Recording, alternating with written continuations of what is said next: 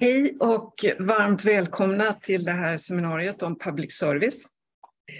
Vi som arrangerar det är Nordicom från Göteborg, eh, Institutet för mediestudier och JMK här på Stockholms universitet. Och Ulrika Bäckfries heter jag och jag är föreståndare för Institutet för mediestudier och det är jag som kommer att leda dagens samtal. Utgångspunkten för dagens seminarium är att Nordicom idag lanserar boken Public Service, en svensk kunskapsöversikt. Och eftersom Nordicom är Centrum för nordisk medieforskning, JMK, forskare och medier och Institutet för mediestudier har som uppdrag att sprida kunskapen om hur medier fungerar med hjälp av forskning, så är det därför vi är här tillsammans. Jag tänker alldeles strax lämna ordet till Johannes Berling, som är Bjärling, som är redaktör för boken. Men innan jag gör det så vill jag presentera en ändring i panelen. Och det är att Jesper Strömbäck, professor i journalistik vid Göteborgs universitet, tyvärr är hemma i halsfluss. Eh, vi är väldigt glada att han är hemma med sin halsfluss och väldigt glada över att Jonas Olsson som är föreståndare för Nordicom är pigg och frisk och istället hoppat in med kort varsel. Tack för det Jonas. I det var så lite. I panelen över sitter Ulrika Andersson, forskare vid SOM-institutet vid Göteborgs universitet. Jonas Olsson som sagt från Nordicom. Eh, Maria Norbeck, universitetslektor, Handelshögskolan vid Göteborgs universitet. Andreas Widholm, docent i journalistik här på JMK, Stockholms universitet. Varmt välkomna. Men innan ni får lov att säga någonting så vänder jag mig till dig, Johannes. Eh, och så får du börja med att presentera boken. Varsågod. Ja, tack. tack. Um, ja, Johannes Bjärling heter jag alltså. Jag är vetenskaplig redaktör vid Nordicom uh, och då den som har jobbat mest hands-on med den här boken vid Nordicom. Um, jag har tre korta punkter som jag vill ta upp Eh, som står nedtecknade på min lilla fusklapp. Eh, den första punkten är varför ger Nordicom ut den här boken? Sen vill jag också säga någonting om bokens karaktär. Vilken typ av bok är det vi publicerar? Och sist men inte minst, vad hoppas vi uppnå med den här boken? Eh, vad vill vi helt enkelt? Titeln eh, slog det mig nu när Ulrika nämnde det, det är inte världens skojigaste titel. Public Service, en svensk kunskapsöversikt. Men ibland är det väldigt bra med en titel som säger exakt vad det är, för det här är vad det är. Det är en kunskapsöversikt om public service i Sverige. Varför ger vi ut den? Eh, public service är viktigt alldeles oavsett vad som ibland påstås så är public service en central institution i det som är den gemensamma offentligheten i Sverige. Public service är en institution med makt i den här gemensamma offentligheten, en allmänfinansierad institution med makt och ska därför diskuteras. Det finns alltså ett grundläggande behov av en diskussion om public service. Ehm, men för att den här diskussionen ska leda framåt så ska den ju inte bestå av tyckande, uppfattningar, åsikter. Det behövs faktiskt grundläggande fakta. Vad vet vi faktiskt? Hur ser det ut? Vad visar empirisk forskning om public service-medierna? Det är bara på det sättet, om vi utgår från vad vi faktiskt vet, som vi kan komma vidare i den här diskussionen. Ehm, vad är det då för publikation som vi ger ut? Som jag sa, Public Service, en svensk kunskapsöversikt. Den bygger alltså på det sex kapitel, allt som allt, en sammanställning av vad existerande forskning visar. Det hade kunnat vara tio kapitel, det hade kunnat vara 20, det blev sex. Ehm, på så sätt så är det inte enskilda resultat som lyfts fram, utan det är vad den samlade forskningen visar i frågor som handlar om bland annat partiskheten, den påstådda partiskheten. Um, förtroendet för public service. I den här publikationen visar vi vad existerande forskning faktiskt säger. Sen hoppas vi att Tyckare, politiker, journalister tar avstamp i detta för den fortsatta diskussionen. Ehm, de sex kapitlen som jag nämnde, jag ska bara kort ehm, gå igenom dem. De är skrivna av ledande medieforskare i Sverige. Ehm, påståendet om public service-medierna är partiska, eller påståendet som gör gällande att public service-medierna är partiska avfärdas. De är inte partipolitiskt partiska. Forskning visar att nyhetsmedierna, eller nyhetssändningarna vid public service, är inte partipolitiskt partiska. Läs boken. Det där kortfattade svar som ni nu ges kan man vrida och vända på, men partipolitiskt partiska är inte nyhetsmedierna. Ibland görs det gällande att public service-medierna har ett sviktande förtroende. Detta är fel, visar empirisk forskning. Det är helt fel. Ibland så görs det gällande att public service-medierna i dagens medielandskap med tusentals och åter tusentals möjligheter att göra sin röst hörd har kommit att bli irrelevanta. Detta är fel. Public service är synnerligen relevanta. Public service bidrar till kunniga, informerade medborgare som kan fatta val i frågor som rör deras egen välfärd och väl och ve. Eh, public service-medierna främjar den typ av demokrati som föreskrivs i regeringsformen. Finns det en speciell public service-journalistik tar boken också upp. Det korta svaret är ja. Journalistiken som görs vid public service skiljer sig fortfarande från den kommersiella tv-journalistiken. Det är tv-mediet som är i fokus ska jag säga, för den här publikationen. Dels är det tv-mediet men också nyhetsmaterialet som produceras vid public service. Vad tycker medborgarna skiljer sig från andra kapitel eftersom det inte är en forskningsöversikt? Den, det kapitlet tar avstamp i en del uppfattningar, åsikter som förekommer i den politiska debatten om ett smalare public service.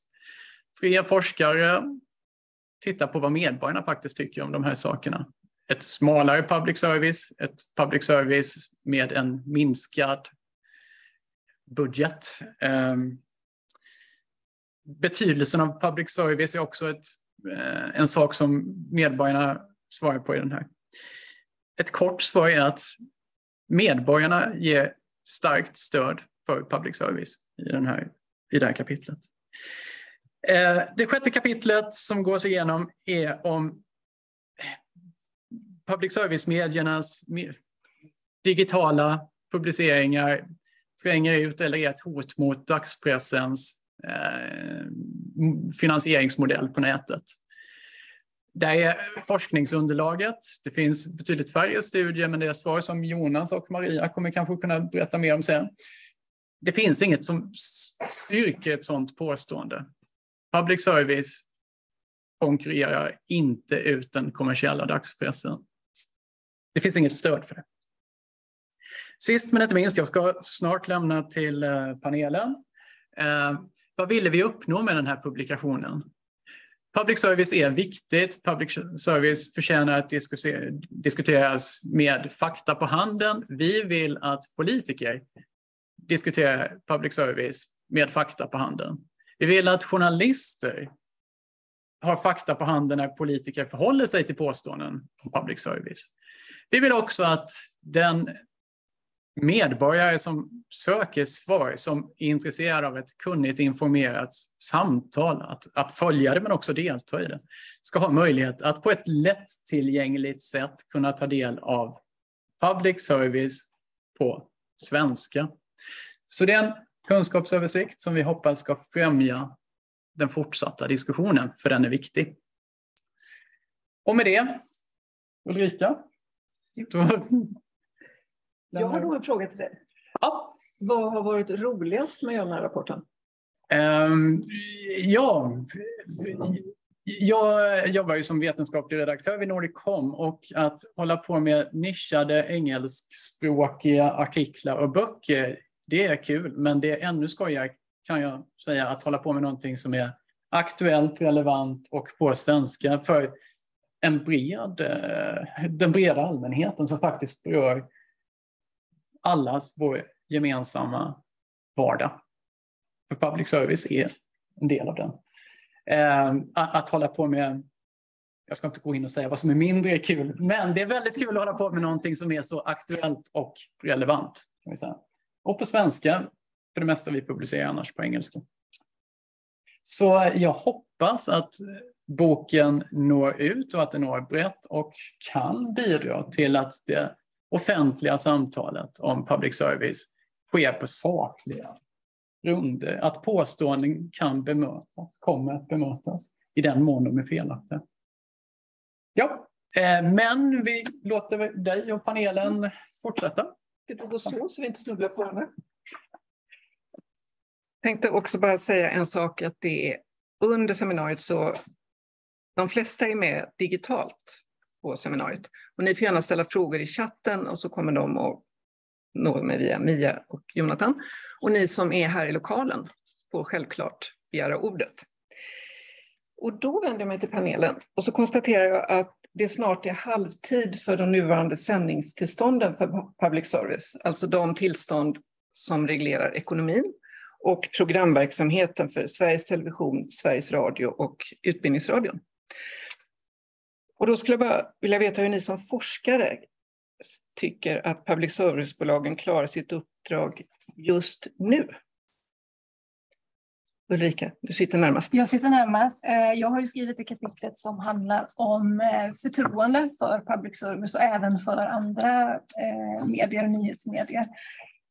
Och ska man se till vilket förtroende som den svenska allmänheten har för public service så ligger det ju oerhört högt eh, i jämförelse med, med de flesta andra medier. Eh, så så sätt skulle jag ju säga att de eh, klarar sitt uppdrag bra. Vill du ta över? Eh, det kan jag göra. Um, som du sa, de är halvvägs in i sändningstillstånden. Uh, tre år har snart gått. Uh, det här har ju varit tre ganska säregna år. Extrema skulle man rent kunna säga. Eh, för vi har haft en pandemi eh, som pågick under två år eh, som vände upp och ner på mycket i vår, i vår vardag och i vårt samhälle. Vi hann knappt ta oss ur pandemin förrän Europa drabbades av krig. Så det har varit tre väldigt, väldigt annorlunda år. Och när vi, och såklart som har varit väldigt utmanande för alla medieföretag. Ehm, men när vi ser på våra data, när vi ser på SOM-institutets data över förtroende och när vi ser på Nordicoms data från Mediebarometern över hur public service används så har ju eh, public service-företagen stärkt sin ställning. Förtroendet har ökat, användningen har ökat. Och vad som är viktigt att poängtera här är att de har inte stärkt sin ställning på de privata mediernas bekostnad. De har också stärkt sin ställning. Och eh, det är en av de viktigaste poängerna med den här boken skulle jag vilja säga. Som ni kan ladda ner gratis från Nordicoms hemsida, det ska vi säga också. Ehm, att den här modellen som vi har i Sverige, som vi har haft länge i Sverige med å ena sidan offentligt finansierade public service-medier och kommersiellt finansierade privata medier är väldigt gynnsam för svensk demokrati. Eh, vi eh, står mycket starkare än länder som antingen har en svag privat eh, mediemarknad eller som inte har public service-medier. Så den här dubbla modellen som vi har i Sverige har visat sig vara väldigt gynnsam och inte minst under ett sådant stresstest som eh, först pandemin och nu kriget har varit.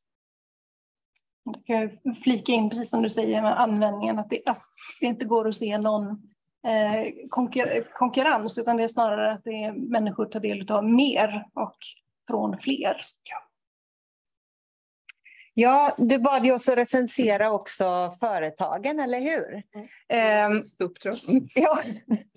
Uh, nej men, um, om jag kopplar an till också det här som, som det kapitel som jag och Jonas skrev om, just det här om frågan om public service konkurrerar ut eller kannibaliserar på de kommersiella medierna, så tycker jag också att de svenska public service-företagen och deras ledning har varit ganska kloka när de har också försökt balansera hur mycket vad de gör på digitalt.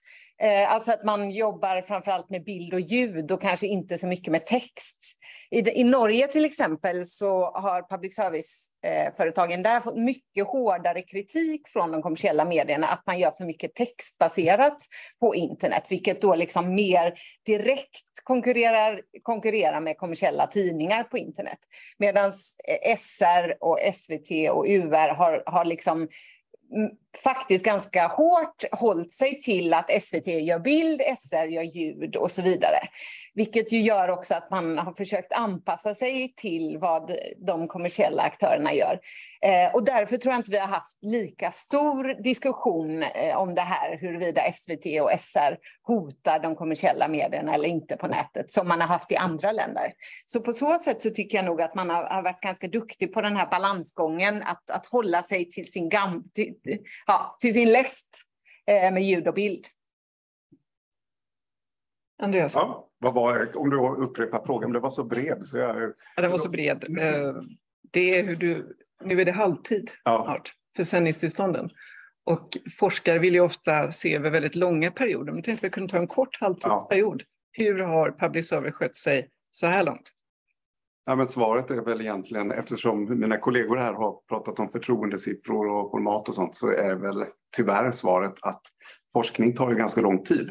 Så att säga någonting konkret om hur public service-medierna ja, klarar sitt uppdrag på innehållssidan, det kan vi inte riktigt svara på förrän vi har gjort systematiska undersökningar kring det. Och så vitt jag vet så har vi väl inte riktigt uppdaterade studier, för det är ju val nu till exempel strax och då då kommer ju naturligtvis eh, många forskare vara på bollen. Liksom. Eh, men på innehållssidan så eh, ja, det återstår att se skulle jag säga faktiskt om jag ska vara helt ärlig.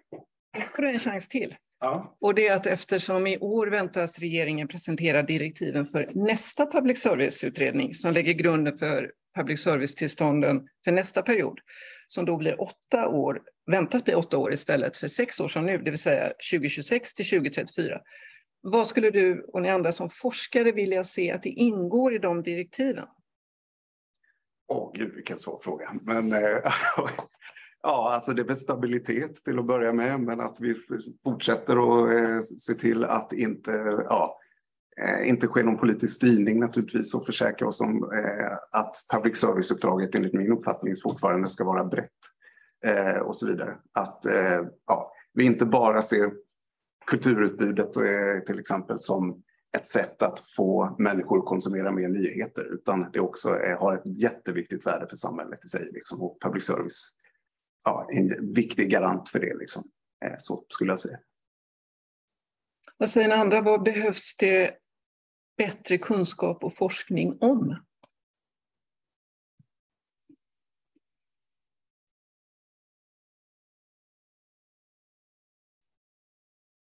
Får jag bara, eh, jag gör en politikersvar, att jag svarar på en annan fråga. Som jag ja, men det är valår. Ja, precis, i valårsanda. Eh, jag tror att jag bara vill understryka det som du pratade om, det här med, man, i public service-kretsar brukar man tala om det här med armlängds avstånd, både från marknaden men naturligtvis från politikerna. Och det tror jag ju blir absolut viktigt att under alla omständigheter försöka se till att det inte går att göra public service till något slags partiorgan eller eh, en, eh, en trumpet för politiker, utan det ska verkligen vara vattentäta skott med, mellan public service och politikerna just för att vi ser en utveckling i vissa europeiska länder där man helt enkelt har tagit över public service och gjort det till en propagandakanal för makten. Eh, och det ser vi inte hända här, men det vore ju väldigt bra att man på alla olika sätt såg till att det inte heller är möjligt. Utan det är ju professionen, det är ju de duktiga programmakarna och journalisterna som ska bestämma innehållet till så stor del som möjligt. Så det tror jag de flesta forskare, eller det, ni, ni kanske har olika uppfattningar, men det tror jag är oerhört viktigt att försöka på alla sätt få till en sån konstruktion. Så det är medskicket till direktiven för nästa public service-utredning? Jag tänker det du sa om vad, vad vi forskare eh, behöver göra. Jag tänker kontinuitet i den forskning som vi gör eh, också, att fortsätta följa upp. Eh, exempelvis hur såg valbevakningen ut? Fanns det någon, någon övervikt åt endera hållet eh, och även i andra sammanhang och, och fortsätta eh, följa ja, men den allmänna opinionen eh, också, både runt public service men även övriga eh, medieorganisationer. Ja, um, den övergripande bilden i den här boken är ju att public service har en väldigt stark ställning i befolkningen som helhet och högt förtroende, hög användning, men inte överallt. Eh, inte i alla befolkningsgrupper.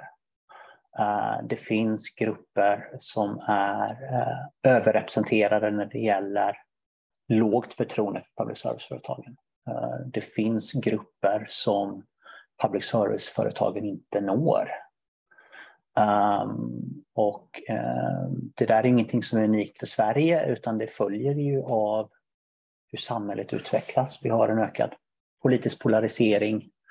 Eh, vi har grupper som hamnar utanför samhället. Eh, men de, är ju också, eh, de faller också inom ramen för public service ansvar.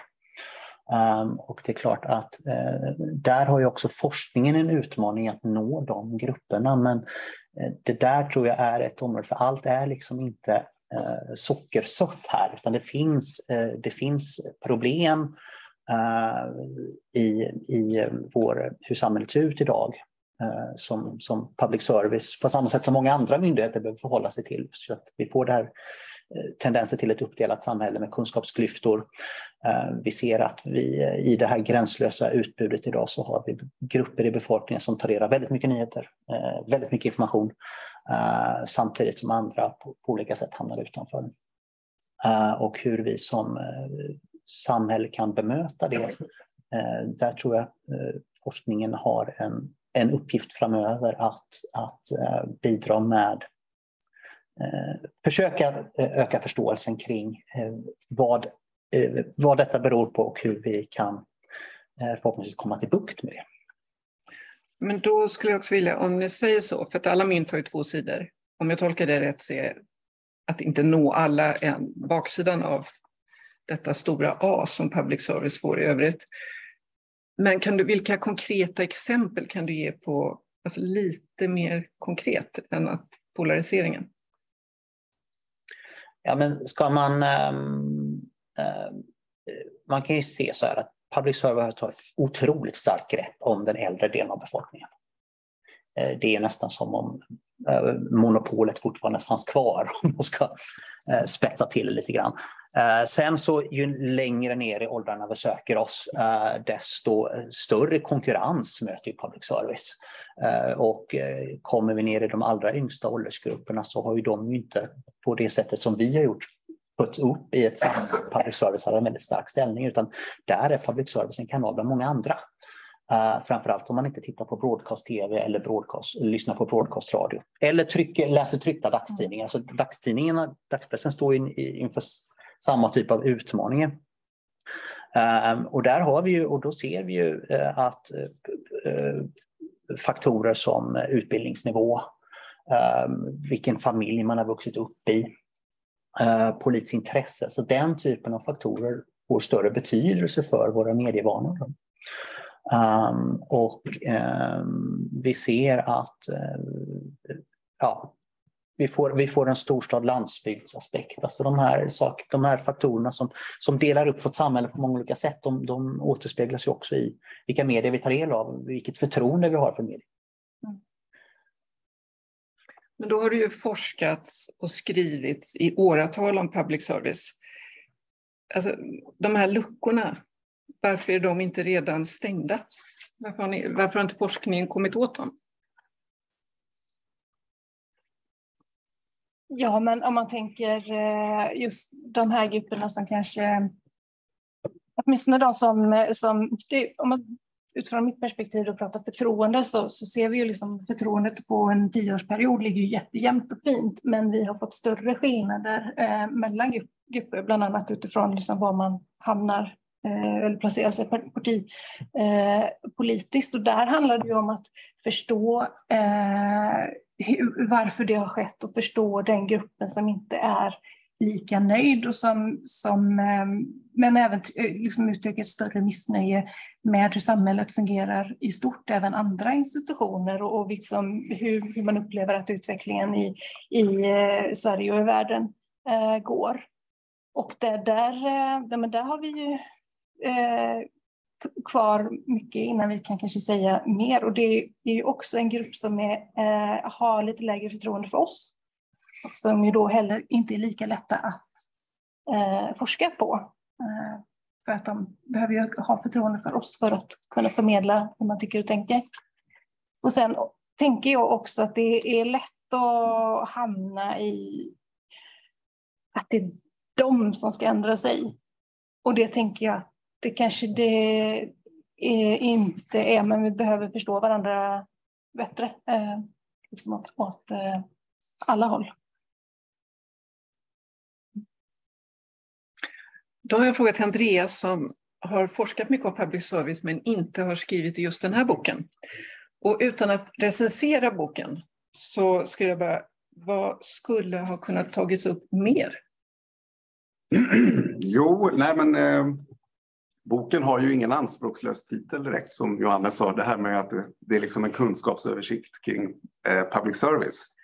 Och eh, ja, eftersom jag inte har bidragit till boken så kan jag tillåta mig att vara lite opponent här då. Så, då kan jag väl säga det att eh, fokus är ju på goda grunder väldigt mycket på, på nyhetsproduktionen, eh, public service nyhetsverksamhet liksom i den här boken. Eh, och som sagt på goda grunder eftersom det är ett av de absolut viktigaste uppdragen som public service har. Men sen så finns det ju, om man tittar utbudet på public service, så är ju eh, nyheter en liten pelare i ett väldigt, väldigt stort utbud. Så att jag menar, fiktionsutbudet är ju lika stort som nyhetsutbudet i public service till exempel och så vidare. Och, eh, det, menar jag, det är inte en kritik, men man, man kan tänka sig att vad, vad är det som public service fyller för samhällsfunktion bortom nyheterna? Jag menar ju att det finns väldigt mycket positiva aspekter kring public service som också finns eh, utanför nyheterna. Då. Och det gäller faktiskt också vad människor kan få för kunskaper om samhället till exempel, eller politisk uppfattning och så vidare. För, eh, jag menar, själv har jag liksom forskat om kulturjournalistik i de senaste åren och vi, det som har varit det tydligaste, jag har ju själv tittat på Sveriges Radios utbud, det är ju att eh, samhällsaspekterna till exempel i, i kulturjournalistiken eller i kulturutbudet är det är ju jättestarkt. Eh, det finns väldigt mycket samhällsaspekter som man kanske inte kommer åt genom att bara titta på det som brukar kallas för hard news i, i, i forskningen. Liksom. Och med det sagt så tror jag faktiskt också att den här förtroendefrågan också eh, kan hänga ihop lite med public service eh, i generell bemärkelse. Så det är inte omöjligt att förtroendet kan bidra både på ett positivt och på ett negativt sätt eh, Alltså att man kan bedöma public service inte bara från nyheterna, liksom, utan att det finns annat innehåll mm. som också bidrar till eh, hur människor, vilket förtroende man har till exempel. Får jag knyta an? Ja, visst gärna. Eh, för den, den eh, förtroendefrågan som, som vi ställer i, eh, eller som finns med i SOM-undersökningen och som vi har skrivit om där, det gäller innehållet eh, generellt. Mm, ja, precis. Men vi har i, i höstas, så jag, en kollega till mig, Per-Olof Tryggvason, som ställde en fråga om specifikt nyhetsjournalistiken och vi får nästan till identiska eh, procentsatser på förtroendet för mm. SVT och, och, och SR i, i de två frågorna. Så det, det, och, det, och det gör att vi funderar lite grann på när man eh, bedömer förtroendet för public service kan det möjligen vara så att det kanske är nyheter man tänker på. Jag skulle uh, uh. Och, men sen också eh, en sak till om jag, när jag har ordet. Eh, du, som du säger också helheten för den här frågan om eh, ska vi smalna av public service? Det finns ju inget stöd Nej. i någon grupp, inte ens liksom de som är mest kritiska mot public service. Och det betyder ju att, att det andra, det stora liksom, som är inte bara den här nyhetsstapeln nu då, utan allt det andra, det är också viktigt. Väldigt viktigt. Mm. Får jag eh, knyta an där? För som sagt, boken fokuserar framförallt på nyhetsmedier, men som ni ju säger så är eh, public service en mycket, mycket bredare produktion. Eh, och och eh, liksom hela idén, det är ju en hundraårig idé det här, Ehm, med att man ska ha offentligt finansierade medier. Ehm, och hela idén när man, när man lanserade den så hade ju det naturligtvis ihop med, man byggde folkhem, man skulle informera medborgarna, men man skulle också spegla hela landet och det har ju hängt med. Eh, och det är också eh, alla andra, BBC och YLE och så som har den idén. Eh, och, och, länge var det ju faktiskt SVT tillsammans med Svensk Film som, som eh, skapade all dramaproduktion till exempel på svenska. Alltså det var ju en jätteviktig motor i att i ett litet land med en liten språkgrupp fortfarande kunna ha kvalitativa filmer och dramor och tv-serier och så. Och sen så kan man ju se att det har ju naturligtvis förändrats. Det har blivit konkurrens. Nu finns det Netflix Netflix som skapar originalserier på svenska. Men jag tror ju att, att eh, och, den, och den flesta forskningen också pratar ju också om att, lite som du pratade om, när, när nyhetsmedier, kommersiella och offentliga, eh, samspelar så blir det ett bättre utbud för konsumenten. Så verkar ju forskningen visa på att när, när offentligt finansierade drama eh, tillsammans med kommersiellt finansierat drama så skapar det ju ett större utbud för konsumenten som också speglar, och det är lite det vi var inne på det här, att, man, att vi lever i ett mer polariserat samhälle eh, än förr kanske. Men det, då, och då är det än viktigare för public service-medierna att just spegla hela samhället, inte bara de som är kommersiellt gångbara, eh, utan att man verkligen ser till att alla känner sig sedda och speglade och kan identifiera sig i till exempel svensk drama eller vad det nu är, program helt enkelt. Eh, så det tror jag också är väldigt, väldigt viktigt att man, att man ibland glömmer när man pratar om att nej, men det viktiga med, med public service är ju nyheterna och det kan vi, vi kan smalna av så att de gör bara kultur och nyheter och, och kanske en del vetenskap och så, så kan de andra kommersiella medierna ta hand om det andra.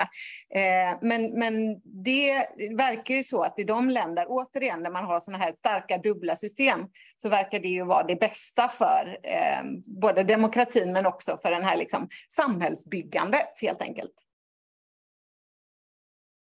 Andreas, du vinkade lite där. Ja, om ingen ville jag skulle egentligen vilja byta spår lite, men du kanske kommer med... En... Nej, jag vill gärna vara kvar i det här spåret, för att eh, eftersom det är så mycket nyheter i boken så tänker jag att vi måste lyfta... Ja, nej, men jag skulle bara vilja nämna lite det kring eh, alltså kritiken mot public service som finns i den offentliga debatten, till exempel på Twitter eller eh, i sociala medier och sådär. Eh, det är ju inte alltid så att kritiken Eh, är riktad, till exempel i frågan om partiskheten. Den är ju inte, för det första förekommer den ju inte alltid under valperioder till exempel. Så vad som sker bortom valperioderna vet vi inte så mycket om. Men sen så finns det väldigt mycket kritik som i sig inte är riktad mot nyhetsverksamheten utan jag tänker till exempel på den absolut liksom vassaste kritiken som kom från Jimmy Åkesson förra valrörelsen det var ju liksom att han skulle lägga ner P3 på grund av att det var en vänsterliberal tankesmedja och sånt där som han uttryckte det. Och det som han var missnöjd med där, det var ju inte Ekots nyhetssändningar utan det var, det var ju morgonpasset liksom, om jag inte minns fel. Så alltså, det finns ju en fråga om här, kritiken eh, den bottnar, liksom, även om den kan vara berättigad eller inte, eller felaktig eller inte, så den inriktar sig på många olika programformer. Det, var, det kan vara liksom Sverige möts eller Opinion Live och alla de här liksom också.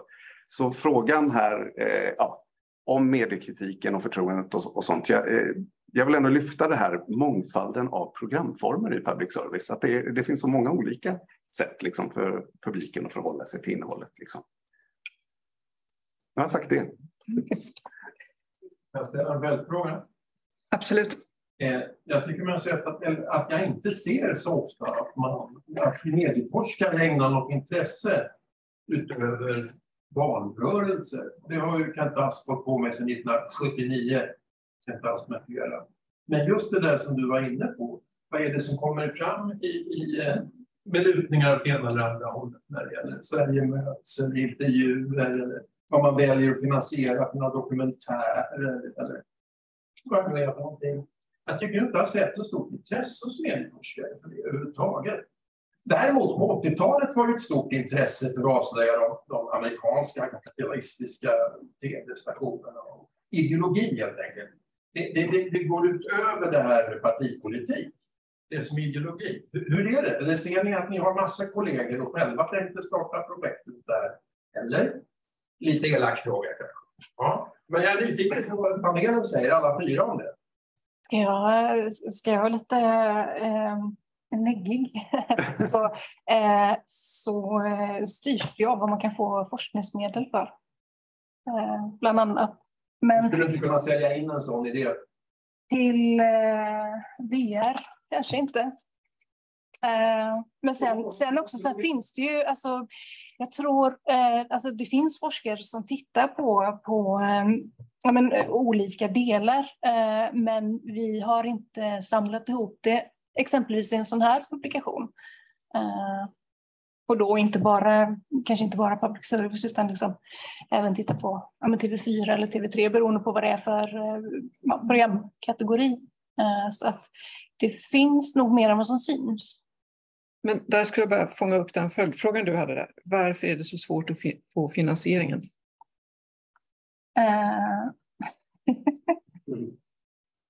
Eh, Ut med språket. Eh, ja, nej.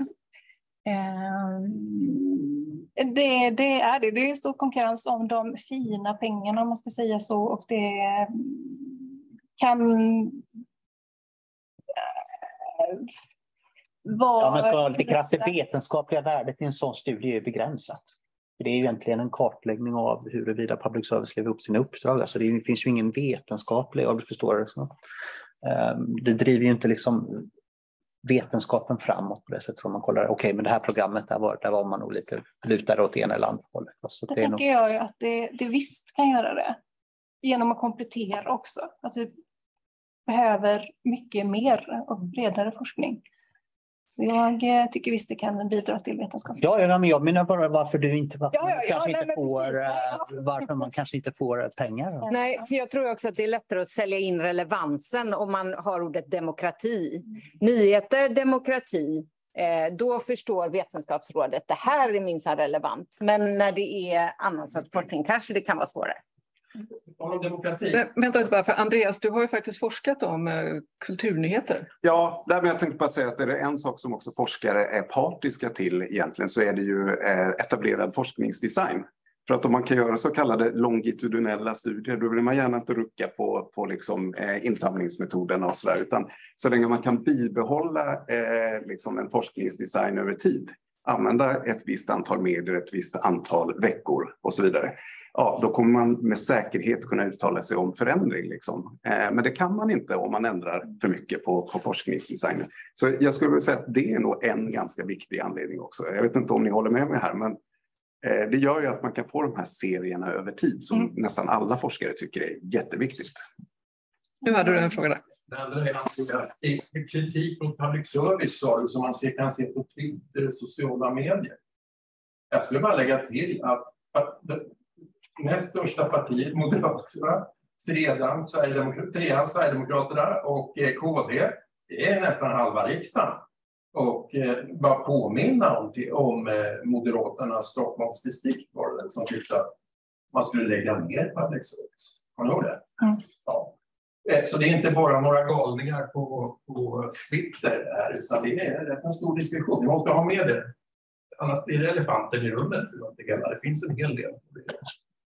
Det man kan säga om det är å andra sidan att man kan inte klumpa ihop en mediekritik, att den är av ett slag. Några inriktar sig ju på att man ska smalna av public service-uppdraget medan andra kanske vill ha större kontroll över nyhetsverksamhet. Eller liksom, ja, att Marknadsargumentet. Ja, men- och det andra är någon slags politisk slagsida. Ja, och det, sen har vi hela fake news-debatten och sådär som kanske, eh, den debatten förs ju i ett politiskt segment som vi vet. Eh, så att det, det är ju, man ska väl inte slå ihop alla partier heller i fråga om deras inställning till public service. Liksom. Men då backar vi till dig igen Ulrika, Mhm. Så att du kan få mer pengar. Nej, Inte alls, utan Jonna, du skriver i boken tillsammans med Maria Garcetti Marina. Ja. att förtroendet för public service är väldigt högt och du har redovisat det här också. Och om jag fattar det rätt, är det visst, i en internationell jämförelse så ligger Sverige också högt.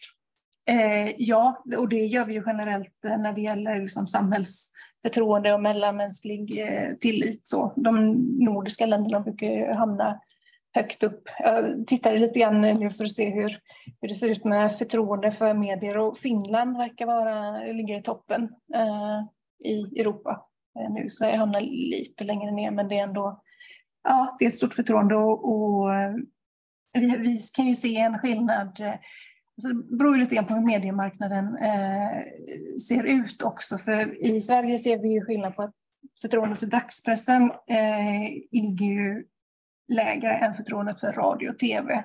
Och sen så har vi förtroendet för public service ytterligare lite längre upp. Men i länder, eh, det finns ju länder där det är dagspressen som har, eh, har större, det största förtroendet eh, medan förtroendet för, för radio och tv inte är eh, lika stort. Men det, det beror ju på hur liksom, systemet är, är uppbyggt. Eh, och det beror också på hur man gör undersökningar. Ska säga. Det är inte helt lätt att, att jämföra dem eh, faktiskt. Men då har jag en fråga till dig, för det senaste året har det varit en del medialt väldigt uppmärksammade klavertramp från public service-bolagen.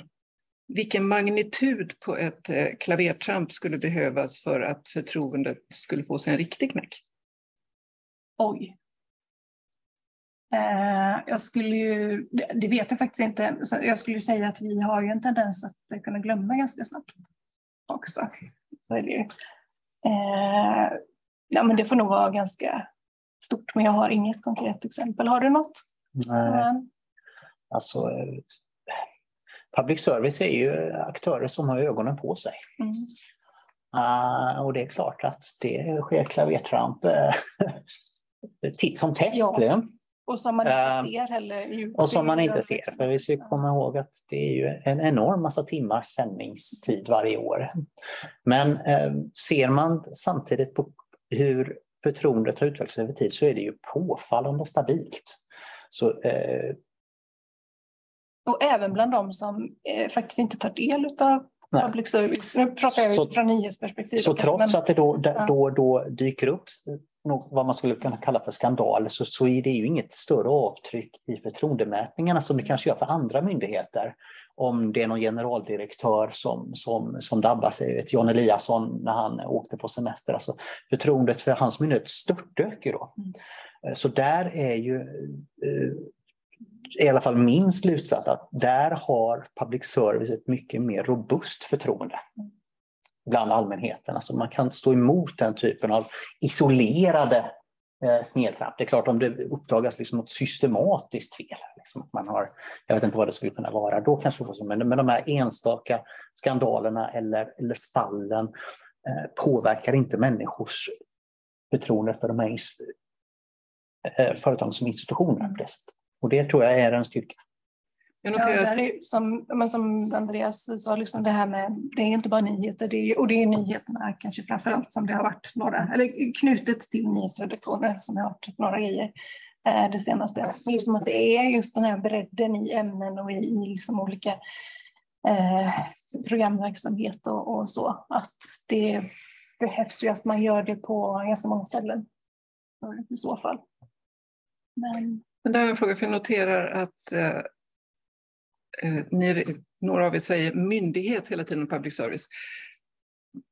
Ja, det är slarvigt. Ja, Har ni- ja, Har ni mätt Ja. någon gång uppfattat, för jag har liksom tänkt att nu slår jag på myndigheten Sveriges Radio. Vad, visar forskningen? Tänker man på public service som myndighetsutövning? Jag tror att om, för du använder myndighet, men du använder det som jämförelse. Alltså, du använder begreppet myndighet, alltså om det hade varit en myndighet. Om det hade varit en Ja, myndighet. om det hade varit en myndighet. Mm. Däremot så skulle jag säga utifrån det jag ser i förtroendestudier att, att man ser det som en samhällsinstitution. Inte en myndighet, men en samhällsinstitution liksom, eh, eh, i sig. Eh, ja, men medierna är ju en samhällsinstitution. Så, men, men även public service är liksom en, en samhällsinstitution i, likt Oj, vad vågar jag jämföra med nu? Och kungahuset. Ja, precis. Kungahuset, riksdagen. Eh, så. Ja, men okej, ni, ni Men tänker inte ingen myndighet, nej. Nej. Då tänkte jag bara att vi måste, man kan inte prata public service utan också prata lite pengar. Och då är ju det svårt, för det är alltid så svårt att tänka sig alla dessa pengar. Men de tre svenska public service-bolagen, Sveriges Television, Sveriges Radio och Utbildningsradion, får tillsammans drygt 8,5 miljarder kronor om året för att finansiera sin verksamhet. Vad säger ni som har tittat på det här bakåt, lite framåt? Eller, är det lagom, för mycket eller för lite? Är det någonsin någon som inte vill ha mer? Det var inget fråga. Ja, nej, men det är ju mycket pengar. Mm. Ju. Eh, jag tror att vi i någon jämförelse, nu tittar jag på dig Jonas, för du är ju sån mediestödsexpert, men press och mediestöd uppgick till någon, är vi uppe i en miljard? Eller en halv, en halv miljard plus lite coronastöd. Ja, det har ju varierat lite senaste åren, men säg en. Ungefär en knapp miljard. Ja. Okay. Tack. Eh, nej, men så i jämförelse så är det ju väldigt, väldigt mycket pengar. Eh, eh, men som sagt, ehm, alla vill ha mer. De, om, om vi gav mer kanske vi skulle få ännu mer förtroende. Ehm, är det för mycket? Ehm, hur långt är ett snöre? Alltså, det beror väl på vad man jämför med, tänker jag. Men, men eh, vi pratade lite innan här huruvida svenskarna får eh, god valuta för pengarna Ja. jämfört med... Vad betalar svenskar eh, den svenska mediekonsumenten nu kan jag inte prata, den svenska mediekonsumenten mer eller mindre för public service än konsumenter i andra länder? Ja, men för det eh, har vi ju pratat lite om då. Eh, om man tittar nu, återigen, när, när saker och ting förändras, när man går från en avgift per hushåll per apparat till att göra det till en skatt, då blir det mycket svårare att jämföra.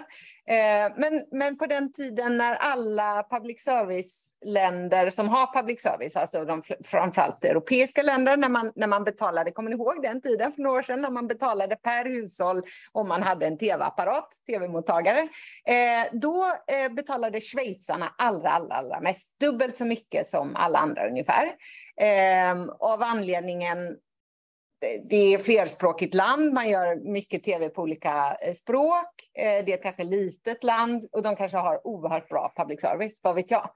Eh, Men sen så kommer då, om man tittar på, på hur mycket konsumenten betalar för public service, schweizarna betalar mest och sen kommer Skandinavien, alltså, eller Nord.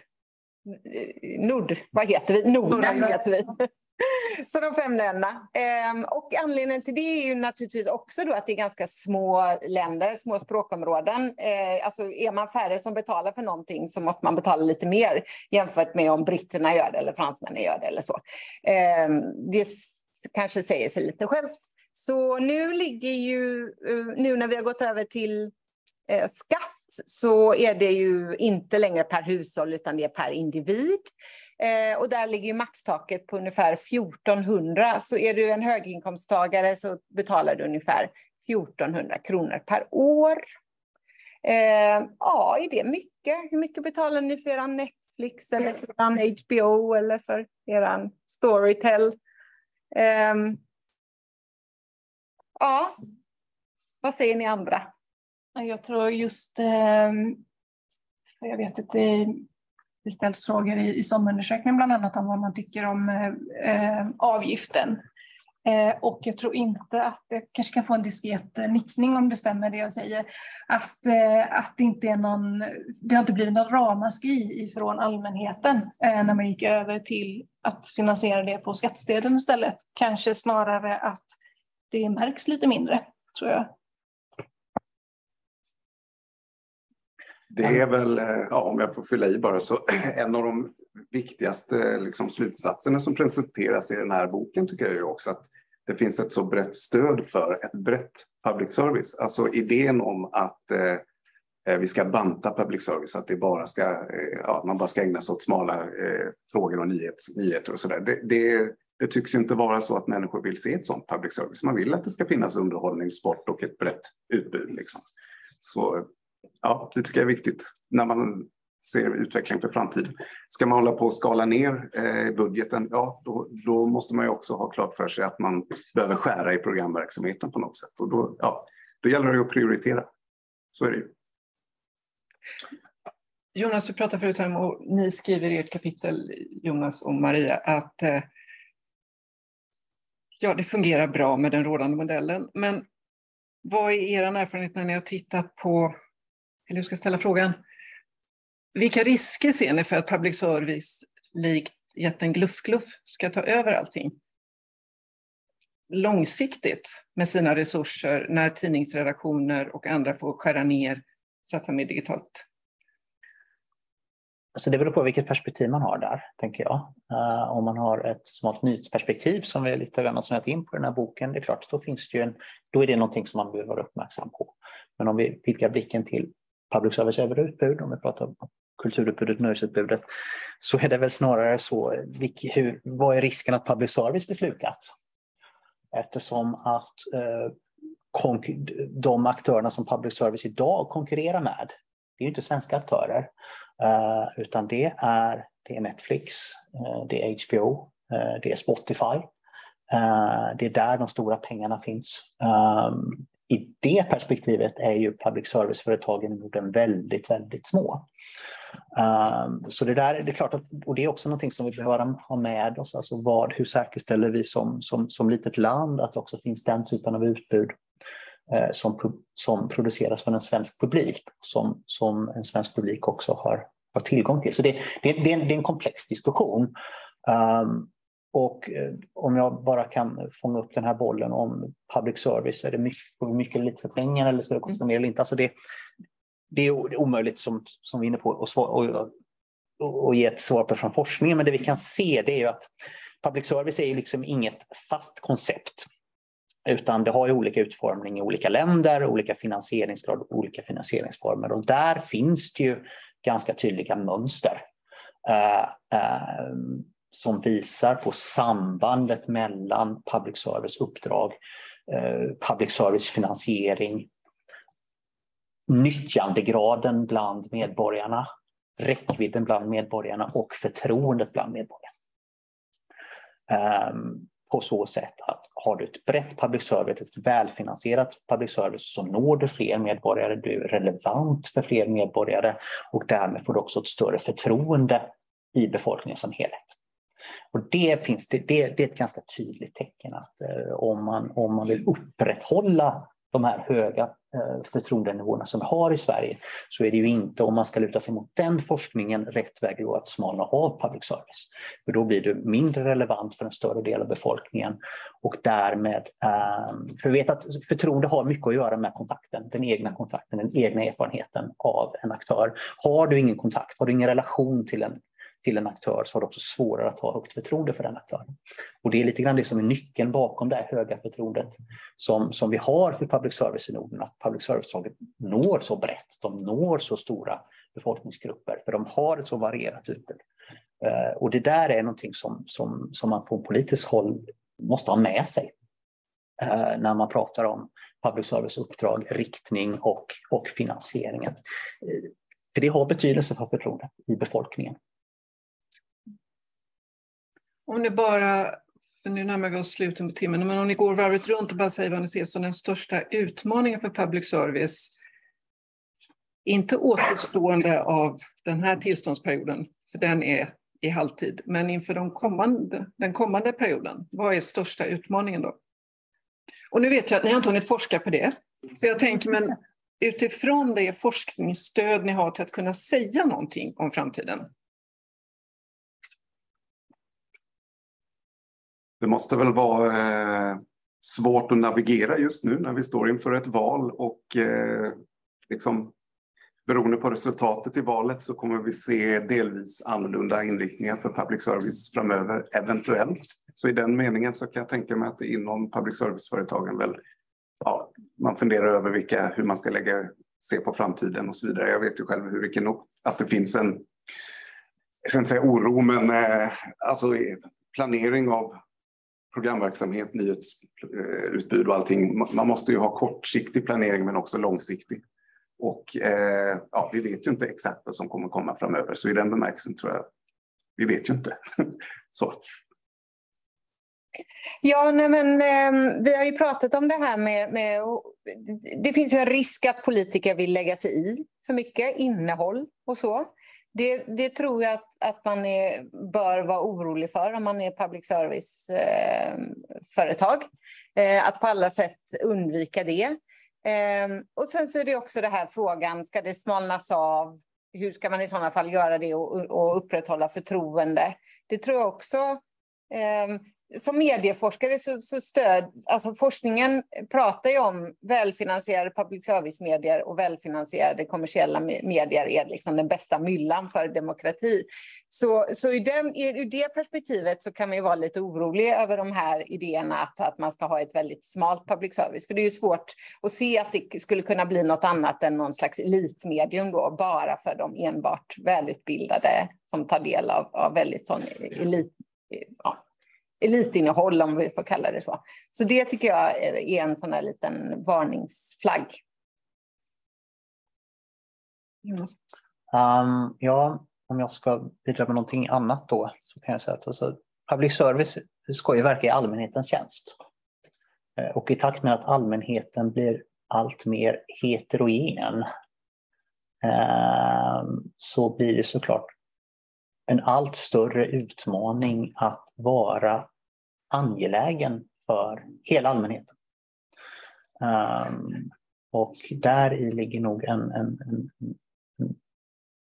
en, stor utmaning för public service. Att, att spegla och nå och vara relevant för ett samhälle som blir allt mer diverst.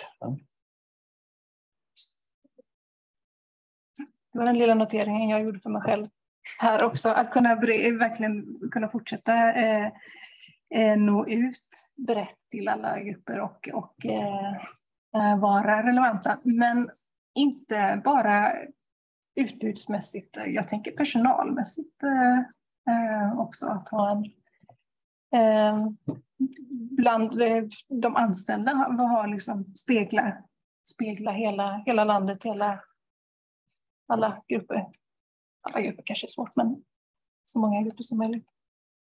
Både, både de som syns där utan och eh, de som arbetar bakom produktionen, nyproduktionen.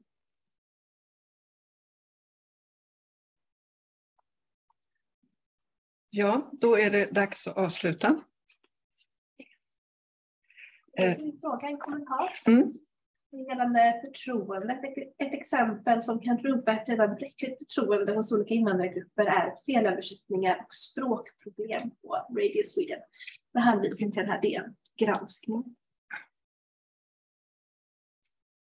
Mm, förlåt, var det en fråga? Eller? Ja, nej, men där, den, jag kan ju ha en liten kommentar bara. Där, Eh, att det är ju också en grupp som vi har svårare att nå med, med i vår forskning, eh, som vi vet mindre om och som vi också vet mindre om förtroendet och hur man känner för eh, eh ja, dels innehållet som sådant men också eh, när det ja, men blir den typen av misstag. Och, och, det är någonting som forskningen verkligen behöver jobba eh, hårdare på. Att även vi att eh, inkludera fler att nå ut ytterligare. Mm. Hur sannolikt tänker ni att till exempel nu när vi just pratar om att Sverige blir mer och mer mångkulturella så vi public service är relativt svenskspråkigt. Så hur ser ni att hur stor möjlighet finns det att till exempel det skulle bli mer utbud på flera olika språk när till exempel arabiska är ungefär lika stor språkgrupp som finska är i Sverige. Så finns det möjlighet till exempel nu finns det inte i Finland till exempel därifrån jag kommer finns det en hel kanal på par kanaler på radio. Här är det till exempel lite finska luckor, lite samiska luckor i programutbudet. Men finns det möjlighet att till exempel med nationella minoritetsspråk eller med minoritetsspråk som inte är ursprungligen äh, från Sverige så jag tycker att möj möjligheten bör väl finnas. Det, det är ju lite eh, hur det regleras i, i sändningstillstånden och det kan man väl lägga till. Och, och men också att man får eh, eh, verkligen satsa på att få tag på bra alltså bra kompetens. Skaffa sig bra kompetens. Eh, så ut, eh, tänker jag att public service kan lösa det också. Eh, och det kanske inte bara, och det kanske blir kritik när jag säger så, men att det inte bara handlar om någon enstaka medarbetare på exempelvis ja, men en nyhetsredaktion utan att man behöver ha ett helt, helt team eller en hel liksom, produktions jag tänker, det, det, är public service, service som ska svara på om det, om det går eller inte, men jag tänker att det går. Ja, exakt. Men jag tänkte på detta när ni har forskat, så hur sannolikt ni ser, ni säger ju mycket det här att det ser ut att det kan bli smalare möjligtvis. Men finns det någon möjlighet egentligen att det skulle bli bredare på det sättet att det skulle vara flera språk och fler olika program. Ja, det är väl ändå rimligt att den typen av förändring alltså, som har skett i det här samhället fångas upp i, en, i ett arbete med att ta fram nya sändningstillstånd. Det, för, det framstår som ganska naturligt. Uh, för det nuvarande sändningstillståndet är sex år och det är klart att Sverige förändras. Uh, och som du är inne på, det är, in, det är inga små grupper utan vi pratar miljoner människor här.